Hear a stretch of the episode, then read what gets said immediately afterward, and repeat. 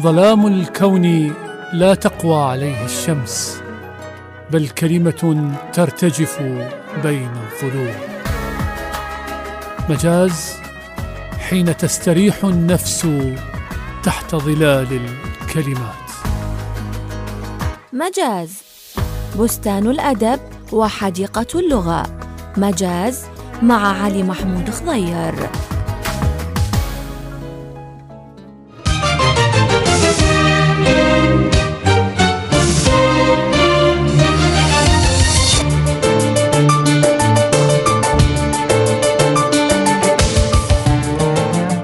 حياكم الله أحبتي أصدقائي المستمعين. لقاء جديد من لقاءات برنامج مجاز من راديو تايمز سكوير. كل الهلا بيكم ومرحبا.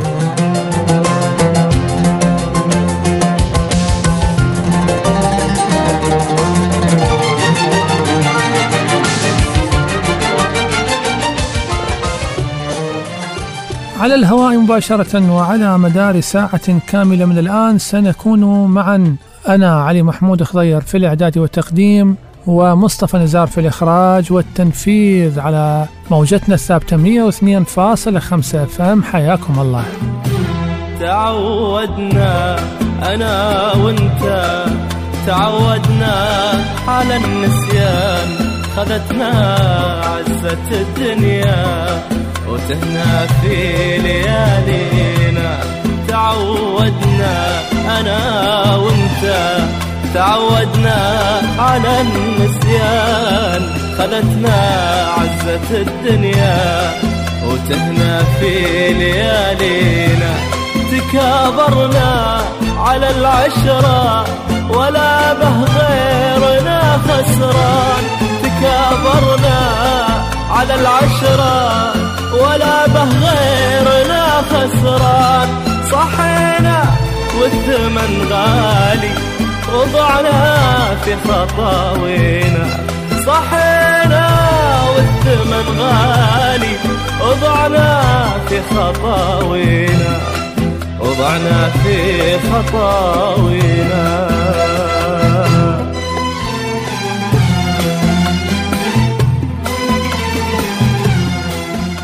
حياكم الله أحبتي أصدقائي أوقاتكم فرح أوقاتكم سعادة وبهجة أوقاتكم بصرة بصرة بكل معانيها الجميلة بكل فرحة أهلها وضحكة عيونهم وأصواتهم الحنينة الجميلة بهاي الأيام التاريخية إذا تسمحوا لي ان أسميها اللي تعيشها المدينة وهي تحتضن البلاد كل البلاد وأهل البلاد. وتحتضن العالم العربي أو العالم الخليجي اللي منور البصرة هذه الأيام واللي الحقيقة يعني بطولة أجواء الخ... بطولة الخليج أضافت حالة خاصة كانت غائبة عن العراق وعن البصرة ربما يعني خلينا نقول منذ 1980 منذ أن دخلت العراق في والبصرة في دوامة الحروب والعنف. الله لا يعودها هاي الأيام. إحنا اليوم كلنا فرحانين ونعيش ذكريات لا تتكرر وإن شاء الله تتكرر وإن شاء الله تبقى أيامنا كلها سعادة وبهجة. يا ربي تكونون الجميع بخير أسلم واهلي بكل اللي يسمعونه سواء من الراديو من مواقع التواصل الاجتماعي تطبيقات الهاتف المحمول في كل مكان ومنصات البودكاست حول العالم. حياكم الله. حلقة جديدة من برنامج مجاز برنامج الشعر والثقافة والفن والموسيقى والإبداع وسط هذا الكرنفال الجماهيري الذي تعيشه المدينة. يا رب تكون حلقة ممتعة وجميلة بكم. حياكم الله من بصرة المحبة. من روحي وقلبي أحييهم. جاءونا في الظرف الصعب ومشاعرهم طبع فيهم. حيوا حيوا حيوا. حيوا هلا بيكم والله وهلا بيكم كل العراق يحييكم هلا بيكم.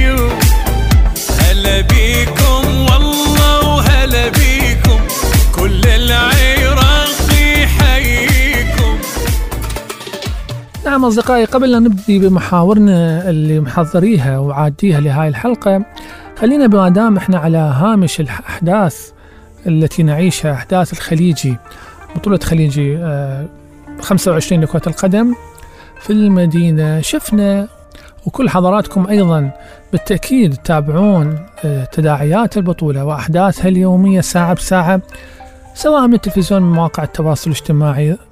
على هامش البطولة هواية من ال- المنشورات من الآراء من الأحداث صارت ربما فيها كانت نوع من الإثارة بها نوع من الجدل يكون هذا الجدل آه، يعني جذر ثقافي. فحبينا أنه نمر عليه مرور سريع ونناقشه وياكم.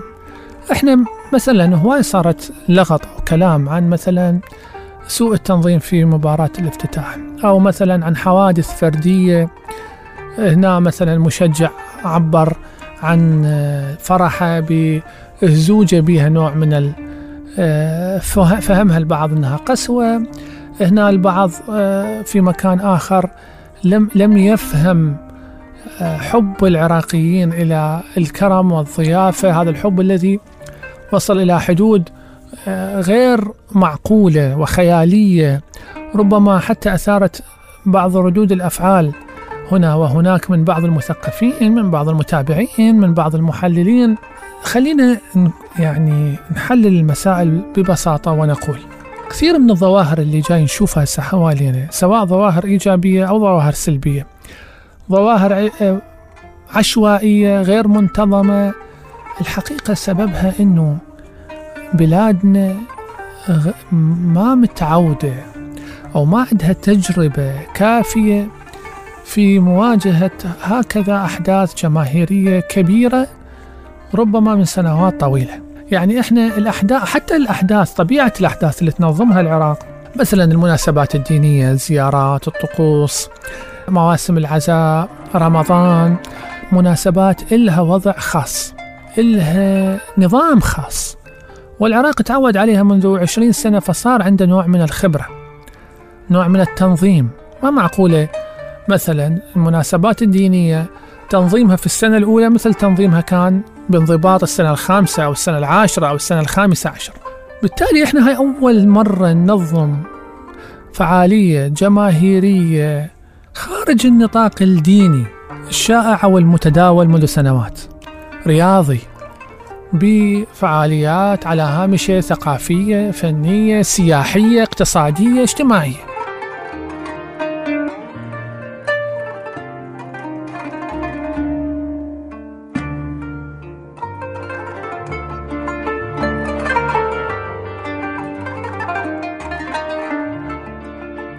بالتالي بالتأكيد تصير أخطاء هنا وهناك. علينا إحنا كمثقفين وكلامي حقيقة للمثقفين وللصحفيين وللإعلاميين وللمدونين وللإنفلونسر أنه يتفهمون هذه الحقيقة. حقيقة أنه شعبنا ما عنده خبرة كافية في التعامل مع هكذا أحداث فبالتالي ممكن تصير أخطاء تصير مبالغات تصير تجاوزات. فعلينا إحنا أنه نستوعبها وأنه نغض النظر عنها وأنه نحللها بإيجابية. وأن نثقف بإيجابية. أنا حقيقة كثير تألمت وشعرت بغضب من بعض المثقفين اللي ما ظهر ما عجبته أنه البلاد يعني تستقر وتهدى ويكون عندها حدث مفرح. فكل يومين طالعين ترند. يوم يطلعوا يجيبون والله أصل تسمية البطولة. خليجي عربي لو خليجي غير عربي يوم يحجون يقول لك والله يعني هاي مظاهر الكرم ومظاهر الضيافة أو المعزب. بعض انتقدها واعتبرها مبالغة وجاي يضايقون الآخرين. وبكلام طبعا قاسي وبكلام يعني بنوع من ال- الغضب والتجريح. يوم في بعض المباريات أهازيج يعني ممكن الاستغناء عنها. يعني أهازيج ربما تستفز المقابل ما نحتاجها إحنا. إحنا متعودين على الأهازيج الحلوة والكلام الجميل التشجيع الرياضي الأغنية النشيد الصفقة الهوسة اللي كلامها يعني يشافي ويسعد مو كلامها يجرح. هي هي مناسبة رياضية. فبالتالي أنا أقول إنه كل مثقف كل واحد عنده وعي. عنده مسؤولية أمام المجتمع في أن يرتقي بالبطولة يرتقي بالجمهور يرتقي بنفسه يغض النظر يتعلم كل خطأ وارد. شفنا إحنا خالد جاسم صاحب برنامج المجلس كيف دافع عن أخطاء يوم الافتتاح وقال في نهائي Champions League دخل 15 ألف متفرج بدون تذكرة في باريس. وفي أهم بطولة أوروبية. فدخ... هذه هي الطريقة الصحيحة مو طريقة ال... ال... العركة مو طريقة الفزعة مو طريقة ال... الهوسة مو طريقة أنه أنا أحسن منكم وأنتم كذا و... هذه طريقة النقاش العلمي المتحضر طريقة تفهم المقابل. المقابل ربما ما فهم ظروفنا إحنا نفهمه ظروفنا. بإيجابية وبسمة وبترحاب عالي. روق علي شوي مشيني على ضو عطيتك أكتر ما في لا ما تقلي لو روق علي شوي مشيني على ضو عطيتك أكتر ما في لا ما تقلي لو شو يلي صاير فيك؟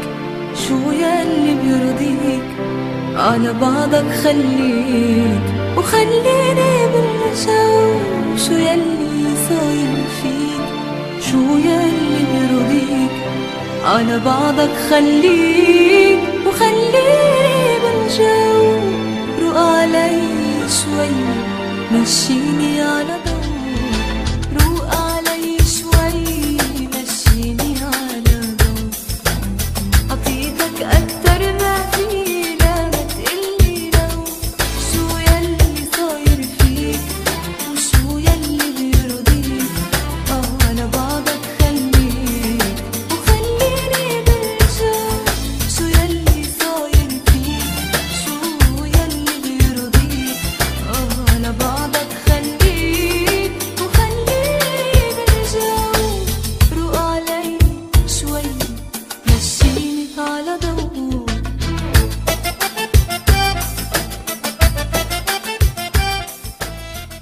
ولهذا فيما يتعلق أنا بشأننا إحنا شأننا الثقافي. أنا قرأت هواي من ال- البوستات منشورات لبعض ال- الكتاب. حقيقة تناولت حادث الخليجي بشكل بشؤون خارجية عن الحدث. يعني تصب خارج الموضوع. أنا أحب أقول أنه يا أخواننا المثقفين والأدباء حاولوا أن تكونون قريبين من نبض الناس. هسه ما يخالف. ربما الناس ما يفهموكم. ربما تعتقدون أنه الناس بيهم أخطاء.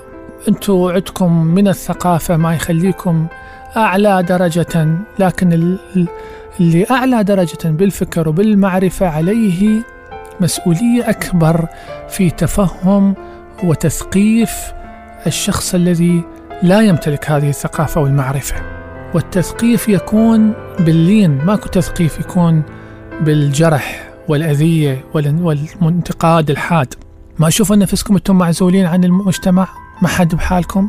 غير مؤثرين لأن هاي الأساليب تزيد البون الشاسع بينك وبين ال-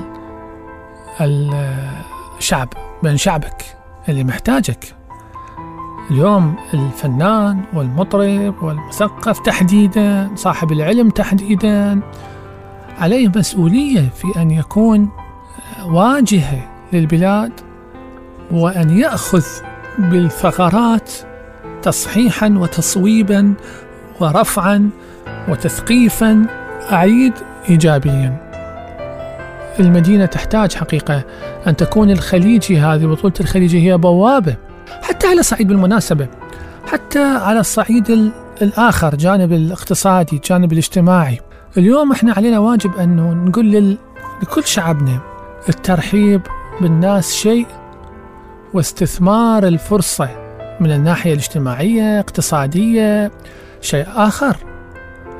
أنا أريد أنه شعبنا يستغل هاي ال- وفود ال ال ال من الأشقاء في أن يخلق بنية استثمارية جيدة. ليش لا؟ في أن يخلق فرص عمل في أن يخلق مشاريع في أن, يخ في أن يطور من المشاريع اللي عنده. بحيث إحنا بمكان ما عندنا هسه ست فنادق سبعة درجة أولى صار عندنا عشرين فندق درجة أولى. أشجع ال- الخليجي أنه يسوي له هنا فنادق. حتى بمكان ما نستضيف الخليجي نستضيف كأس العرب. وليش لا؟ مثل ما قال المحافظ نستضيف كأس كأس آسيا. حلو هذا الطموح حلو أنا يعني لكن هذا يحتاج لذكاء في كسب الآخر. مو أخربها مثلا بهوسات جارحة مثلا بعيدة عن الروح الرياضية. هذا الاستفزاز اللي هو يعني ممكن أنه يفهمه الزوراء من يلتقي ويا الشرطة الطلبة من تلتقي مع الميناء الجوية من تلتقي مع الصليخ. لكن بين الشعوب وتعرفون الحساسيات وتعرفون الماضي وتعرفون ال- الأشياء اللي إحنا ما نريد نذكرها علينا أنه نتجنبها علينا أنه لأن هذا كله بصالح وطنك. أنت لما تستفز المقابل ترى أنت راح تخسر يعني. أنا ما أقول أنه أنت تحتاجه إحنا كلنا واحد يحتاج الثاني. لكن الذكاء يحتم علينا أنه نتعاون وأن نتصرف ب... بإيجابية من أجل أن تكون الخليج هاي بوابة حتى نتطور ونلحق بال- بالعالم إقلي... شلون دول العالم إقليميا واللي هي قطر والكويت وكل دول الخليج. استفادت من الملف الرياضي سياحيا واستفادت اقتصاديا واستثمار جابت لنفسها. قطر صارت من من أول دول العالم بالاستثمار من وراء الرياضة والطوبة. بس خو ما ياهو الجاي ويبزونه بالحكي وبالهوسات وبال... طبعا إحنا نتكلم عن فئة قليلة. لكن الإعلام الض- الضال والأصفر ممكن يسلط الضوء على هاي الفئة القليلة ويقول لك والله ويخرب عليك شغل عظيم من التنظيم الرائع اللي نظمه العراقيين وضربوا أمثال مذهلة. حقيقة نفتخر بها إحنا كنا والله واحد يفتخر إنه هو بصراوي. يفتخر إنه هو بصراوي يفتخر إنه هو عراقي. ابن هذه ال- القيم الأصيلة. فلا نسمح إنه نخربها هنا وهنا بشغلات بسيطة جدا وهي أصلا يمكن تصر يعني حتى من يصرفوها يصرفوها بدون بدون قصد آه، سيء. فهي رسالة عامة لناسنا وأهلنا ورسالة خاصة للمثقفين. شوي استكنوا خويا وشوي خلوا الناس تفرح خلوا الناس تج- تجر نفس. آه، كافي نقد نقد نقد كافي سلبية كافي تشاؤم. خلينا شوية نتفائل وننزل شوية ونشجع ويا الناس ونهوس ونعوف ال- السيجار وال- والقهوة. واللفاف الأحمر. خلينا نعوفها شوية.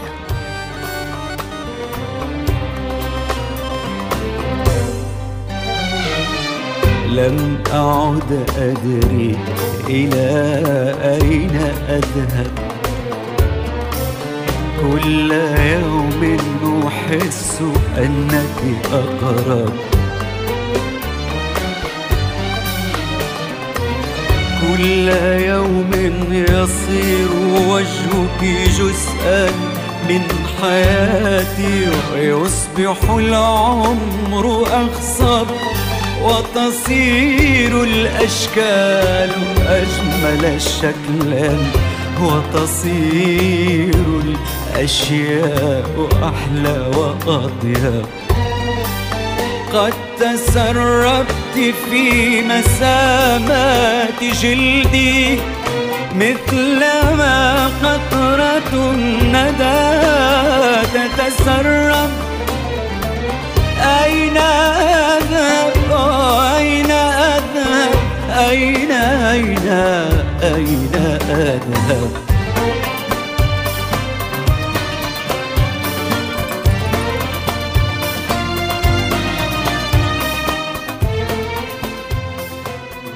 إذا أحبائي الآن نبدأ بمحاورنا. اليوم نتكلم عن كتاب هو لعبد الصمد الكباس الكاتب واللي يكتب بالفلسفة حقيقة عنده كتاب صدر عن دار أفريقيا الشرق وربما حتى قريب من الموضوع التي تحدثنا عنها قبل الفاصل وهي الاستمتاع بالحياة.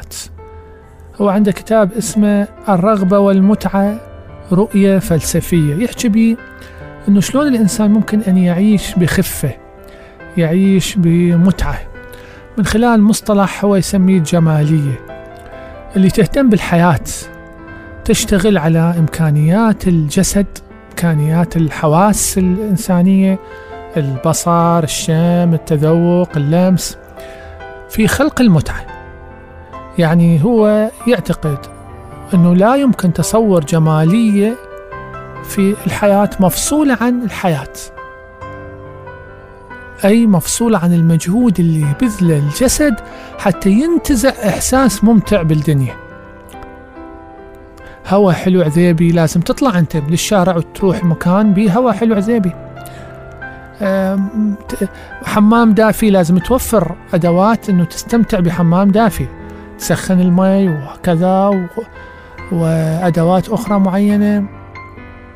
وهكذا أه، تتذوق لك أكلة جميلة لازم تطبخها فأكو مجهود في انتزاع اللحظة الجمالية. تلاحظوا شلون؟ التذوق ال- المنتشي لهذا الحوا... الح- الحواس هو اللي يحول المو... العالم إلى موضوع جمالي. جمالية مو فكرة وإنما تجربة. خارج التجربة اللي تختبر في أداء الحواس ورغبات الجسد تصير الجمالية شكل فارغ يتحول إلى مفهوم ثقيل ومصطلح تحكيه يعني وما تطبقه ما تمارسه على أرض الواقع.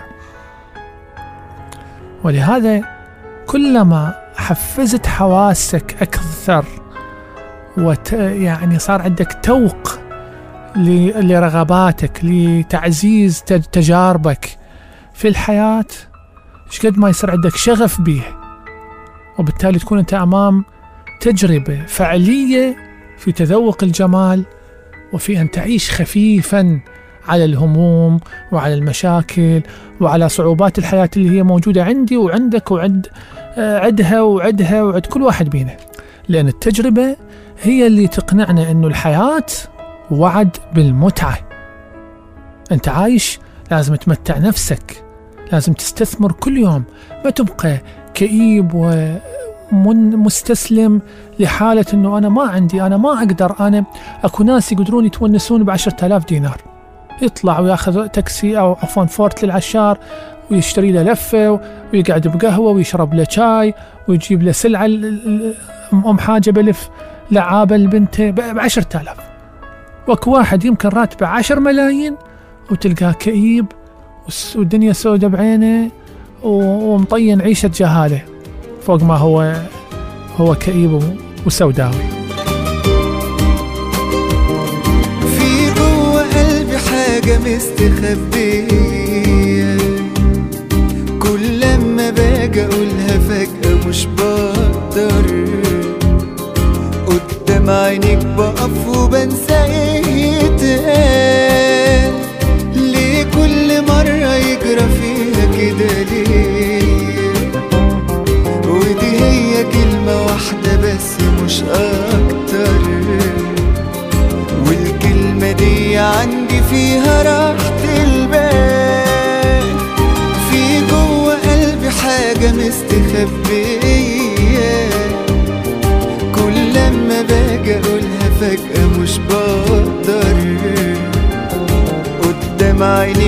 扶本。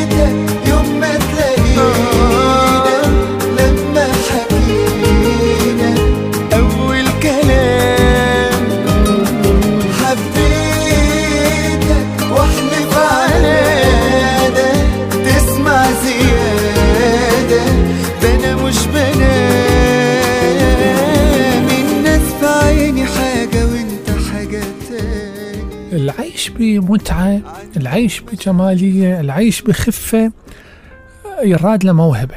أكو ناس يعني حد بمناسبة العيش برفاهية لا يتطلب فقط المال يتطلب إنه كيف تعرف تصيغ اللحظة بحيث تستمتع بها العيش بجمالية بخفة يعني أن تستشعر الحاضر أن تشعر باللحظة اللي تجتازك. تدرك بيها فبالتالي لا تعلق آمال أزيد من اللازم ولا ترتبط بمجهود غير المجهود اللي يخليك تشعر بالمتعة في باللحظة الراهنة. من خلال إحساس مباشر سواء بالجسد بحواس الجسد بالروح. تلاحظون الناس أكو يروحون لمكان ما ويرجع يحكي لك ألف حكاية وحكاية. مدينة متحف سوق. واكو نفس. غير شخص يروح لنفس المكان ما يرجع يحكي لك لو سالفة لو ما لو سالفتين. لأن هذا ما عرف يستمتع بال بالمكان. اكو ناس ما عنده قدرة ما عنده إمكانية إنه يظفر بالمتعة. لأن الظفر بالمتعة يستدعي مجهود. يستلزم أسلوب لصياغة اللحظة لتطويعها حتى تغدو لحظة ممتعة. مشبعة للحواس وللنفس منصفة للرغبة تلاحظ شلون؟ المهم أنا سم يعني ربما الوقت ما يعني ما عندي أنه أستم أسترسل بالكتاب أكثر فراح نحكي لكم شوية بتقرير يحاول إنه يختصر فكرة هذا الرجل في هذا الكتاب الرائع اللي أدعوكم لقراءته نذهب إلى هذا التقرير ونعود في مجاز حياكم الله.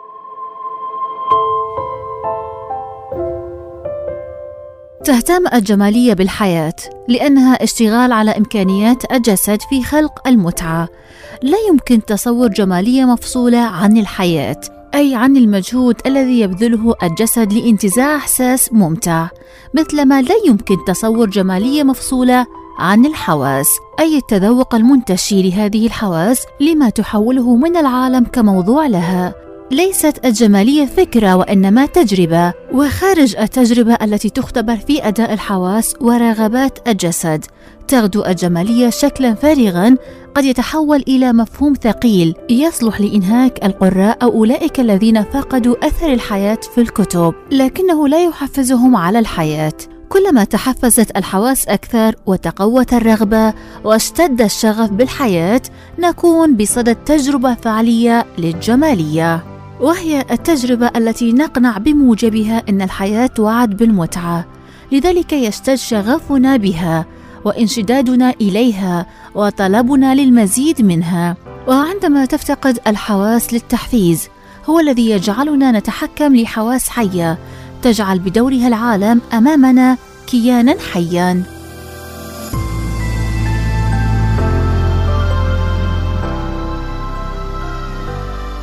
تعني الخفة هنا العيش من خلال متعة الحواس وحماس الرغبة.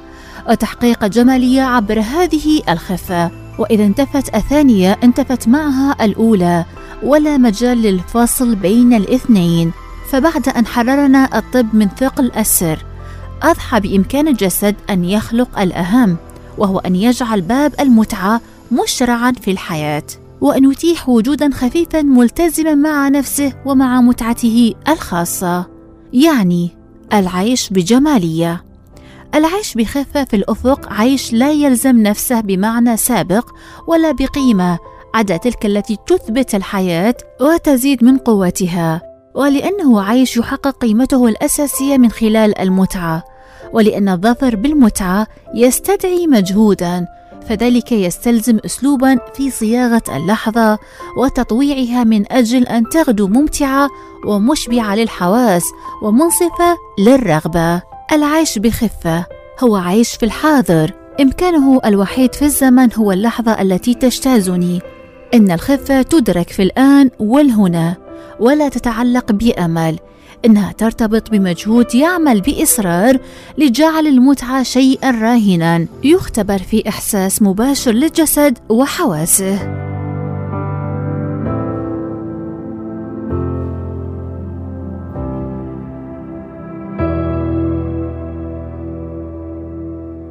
نعم أحبائي هذا الجمال تذوق الجمال مهم. متميز بين الجمال جمالها وجمالها فوق الجمال جميلة الشاعر يقول لكن نفس الجمال إذا ما يكون إلى رائي ما تكون له قيمة. شيء حلو وما حد يشوفه. شو الفايدة؟ اللي أبو ماضي يقول ليس الجمال هو الجمال بذاته. الحسن يوجد حين يوجد رائي. إذا ماكو واحد يشوف الجمال ماكو فايدة منه مو صحيح؟ يدك التي حطت على كتفي كحمامة نزلت لكي تشرب. عندي تساوي ألف أمنية يا ليتها تبقى ولا تذهب.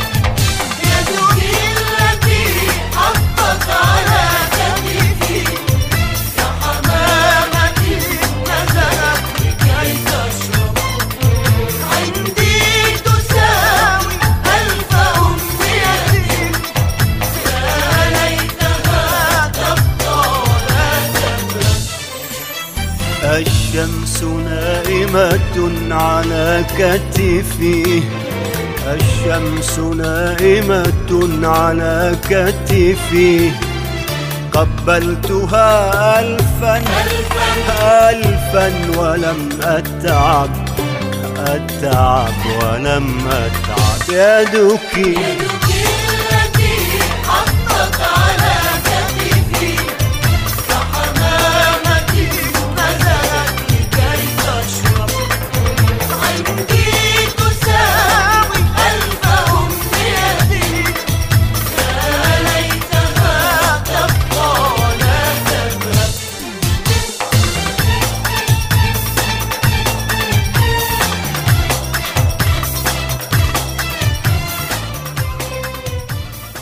أصدقائي المحور الثاني نتكلم عن الترجمة. قبل فترة بالمواقع التواصل الاجتماعي ضجت بمترجم مصري ترجم رواية هيمنغواي الشيخ والبحر إلى العامية العامية المصرية. مكان ما يحكي فصحى خلى بطل الرواية يتكلم بالدارجي المصري. ازيك إيه أحوالك؟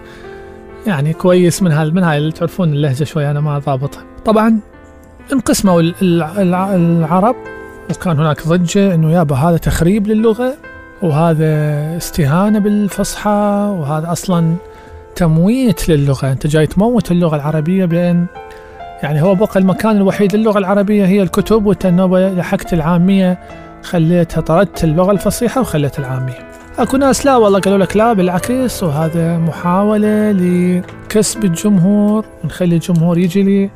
الناس اللي ما يقرون البسطاء اللي يحبون اللغة البسيطة نخليهم يقرون ويستفادون من هاي الروايات ومن هاي الكتب وقد ينتقلون بطبيعة الحال إلى القراءة بالفصحى وأصلا اللغة العربية لغة معقدة ولغة هي صايرة حاجز. فما أعرف يعني حاجز من القراءة ما تخلي الناس يقرون.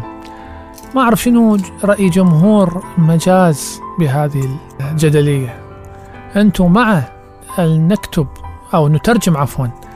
الكتب الأجنبية إلى اللغة الدارجة أو لا.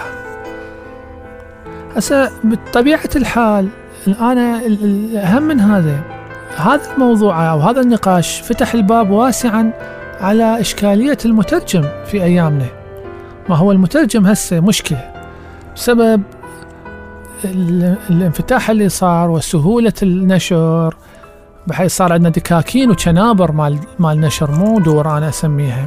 أي واحد أي واحد عنده يعني مبلغ بسيط ممكن يخابر على متعهد الطباعة سواء داخل العراق أو خارج العراق ويسوي له لوجو بسيط ويصير ناشر يعني مو قضية. فذول يعني بطبيعة الحال يردوا لهم كتاب ويردوا لهم مترجمين فقام أي واحد ممكن يترجم. لذلك من الضروري بين فترة وفترة أنه نذكر هؤلاء ونذكر أنفسنا ونذكر الجميع بأن الترجمة مسألة خطيرة تحتاج إلى واحد وا يعني واعي باللغتين مو بس واعي باللغتين مدرك ومسيطر تماما على الموضوع اللي ينقلها. يعني مو مسألة سهلة إنه تجي أنت تترجم شعر وأنت ما تعرف طبيعة البيئة والظرف الثقافي والسياسي وبعض التفاصيل البسيطة في حياة. وسكن. تاريخ الشاعر ومدينته ودولته والموضوع اللي يكتب بيها والخلفية الثقافية والدينية للموضوع الشعري اللي. أنا في يوم من الأيام حاولت أنه أترجم قصيدة للويزا جليك. قصيدة واحدة. تلاحظ شلون؟ هذه القصيدة وصلت أنه لازم حتى أترجمها صح لازم أعرف خلفية آه، فئة دينية موجودة في منطقة معينة في ولاية معينة. لأن هي ذاكرتهم مجرد ذكر. بالمناسبة الذكر تم تمر عليه ترجمة حرفيا ما راح تلقفها إلا إذا شوي يصير عندك خلق وتدور تكتشف أنه هاي الكلمة معناها لا. معناها إشارة خفية إيحاء لجماعة دينية موجودين بفلان مكان إلى آخره إلى آخره إلى آخره. وإذا أحكي لكم على تجربتي بس بهذه القصيدة الجليك يشيب الراس من خطورة الترجمة. المترجم يا أخوان يا أخواتي مو مجرد أنه أنا أعرف باللغة. هذه اللغة شنو معناها؟ هذه الكلمة شنو معناها؟ وأصيغها صياغة أدبية أو صياغة شعرية. لا لا لا لا لا. الموضوع أكبر بكثير وأنا إن شاء الله واعد أنه عندي حلقة خاصة كاملة إن شاء الله عن الترجمة. فعندي تقرير يتحدث عن واحد من أساتذة الترجمة الدكتور عبد العزيز حمودة أستاذ الأدب الإنجليزي في جامعة القاهرة. عنده كتاب رائع المرايا المحدبة المرايا المقعرة الخروج من التيه. يتحدث في سياق المقارنة بين النصوص الأصلية والنصوص المترجمة موضحا الشروط اللي يجب توفرها لدى المترجم كي يؤدي عملية الترجمة باقتدار. نسمع فد شيء مبسط من هذا الكتاب كدعوة لأن نقرأه جميعا. الدكتور عبد العزيز حمودة أستاذ الأدب الإنجليزي في جامعة القاهرة سابقاً. أحدث جدلاً ثقافياً بتدشينه ما أسماه ملامح نظرية نقدية عربية حديثة في ثلاثيته المرايا المحدبة والمرايا المقعرة والخروج من التيه. في سياق المقارنة بين النصوص الأصلية والنصوص المترجمة يوضح حمودة في كتابه المرايا المقعرة الشروط التي يجب توفرها لدى المترجم لكي يؤدي عملية الترجمة باقتدار فيقول إن ترجمة نص ما من لغته الأصلية إلى لغة أخرى يمثل بالدرجة الأولى مسؤولية المترجم أمام قرائه في اللغة الجديدة فالإنسان لا يترجم للقارئ القادر على قراءة النص بلغته الأولى. فالقارئ المستهدف أولاً وأخيراً هو القارئ غير القادر على التعامل مع النص الأصلي. ومن هنا يعتبر المترجم مسؤولاً علمياً وأخلاقياً أمام قارئه والمسؤولية هنا لا تقبل التجزئة. أما المبدأ الثاني هو مبدأ عام أيضاً فهو أن عملية الترجمة تتطلب في المقام الأول ليس مجرد معرفة باللغتين المعنيتين بل تمكنا كاملا غير منقوص لناصيتيهما.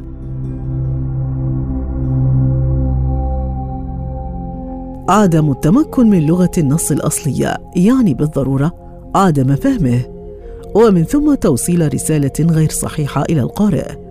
إنه في حقيقة الأمر يقوم من الناحية القانونية بتزييف النص المترجم ولا يكفيه في هذه الحالة تمكنه من اللغة التي يترجم إليها لأن الرسالة التي يتم توصيلها في تلك اللغة تكون زائفة أو منقوصة والشيء نفسه بالنسبة للغة المترجم.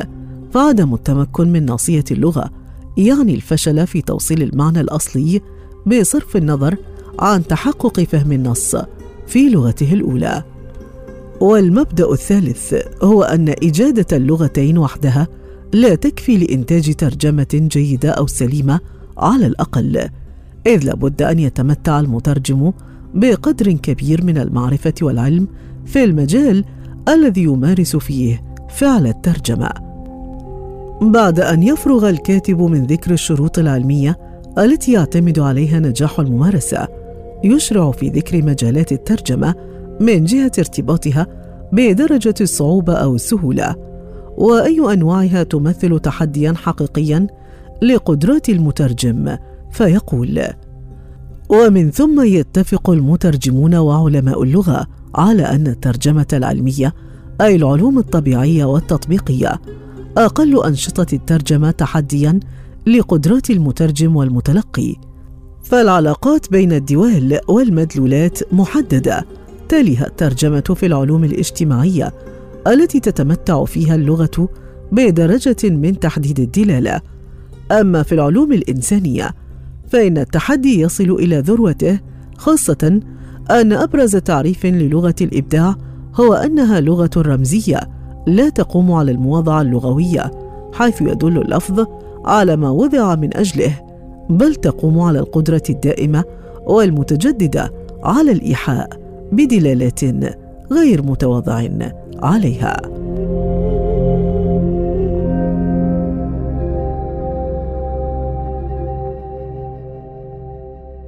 إحنا مشكلة الاستعجال أصدقائي مشكلة كبيرة. ناس كثير تستعجل الصفات اكتساب الصفات من دون أن تقطع يعني لا الدراسة ترى كافية لا الدراسة يعني مو مجرد أنه أنا أتخرج من قسم الترجمة أو كلية التربية قسم إنجليزي أو الآداب كافية. ولا أنا إمكانياتي في صياغة اللغة صياغة الشعر كافية. ولا أنا معرفتي باللغة الأجنب- الأجنبية كافية. تحتاج أن ألم تماما بالموضوع اللي أترجمها أنه أكون على اطلاع جيد باللغة الإنجليزية واللغة العربية. أكو مشكلة كبيرة أنه هم يتخيلون أنه أنا والله مجرد أنه أعرف إنجليزي على كافي. لا. علي أن أعرف عربي أكثر ما أعرف إنجليزي وأعرف استخدامات اللغة واستعمالاتها والأساليب وأن أطور تماما من من الأغراض وأن أصل إلى ما يسمى بالنظرية في الترجمة. نظرية خاصة بي أسلوب خاص بي. أقرأ دائما للمترجمين الأفذاذ حتى أعرف كيف يترجمون. وكيف يختصرون وكيف يختزلون وكيف يحولون وكيف يحافظون على الروح والأسلوب في هذا النص الأدبي وفي ذلك المقالة وفي هذه ربما الدراسة وغيرها شوية يجوز وضعها أسهل بس الأدب شوي يعني مشكلته مشكلة. المهم الوقت أدركني أخواني أصدقائي أتمنى أن تكون الحلقة ممتعة ومفيدة اليوم من مجاز. تقبلوا تحياتي. أنا علي محمود خضير في الإعداد والتقديم. وهذه أجمل وأطيب تحية من زميلي المخرج والمنفذ مصطفى نزار. حتى نلتقي لقاء قريب قادم إن شاء الله. أطيب الأوقات مع باقي برامج الإذاعة. كونوا في رعاية الله وحفظه.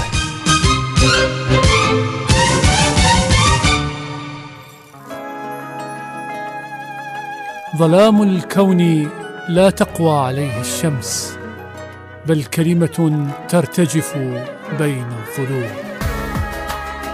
مجاز حين تستريح النفس تحت ظلال الكلمات. مجاز بستان الأدب وحديقة اللغة. مجاز مع علي محمود خضير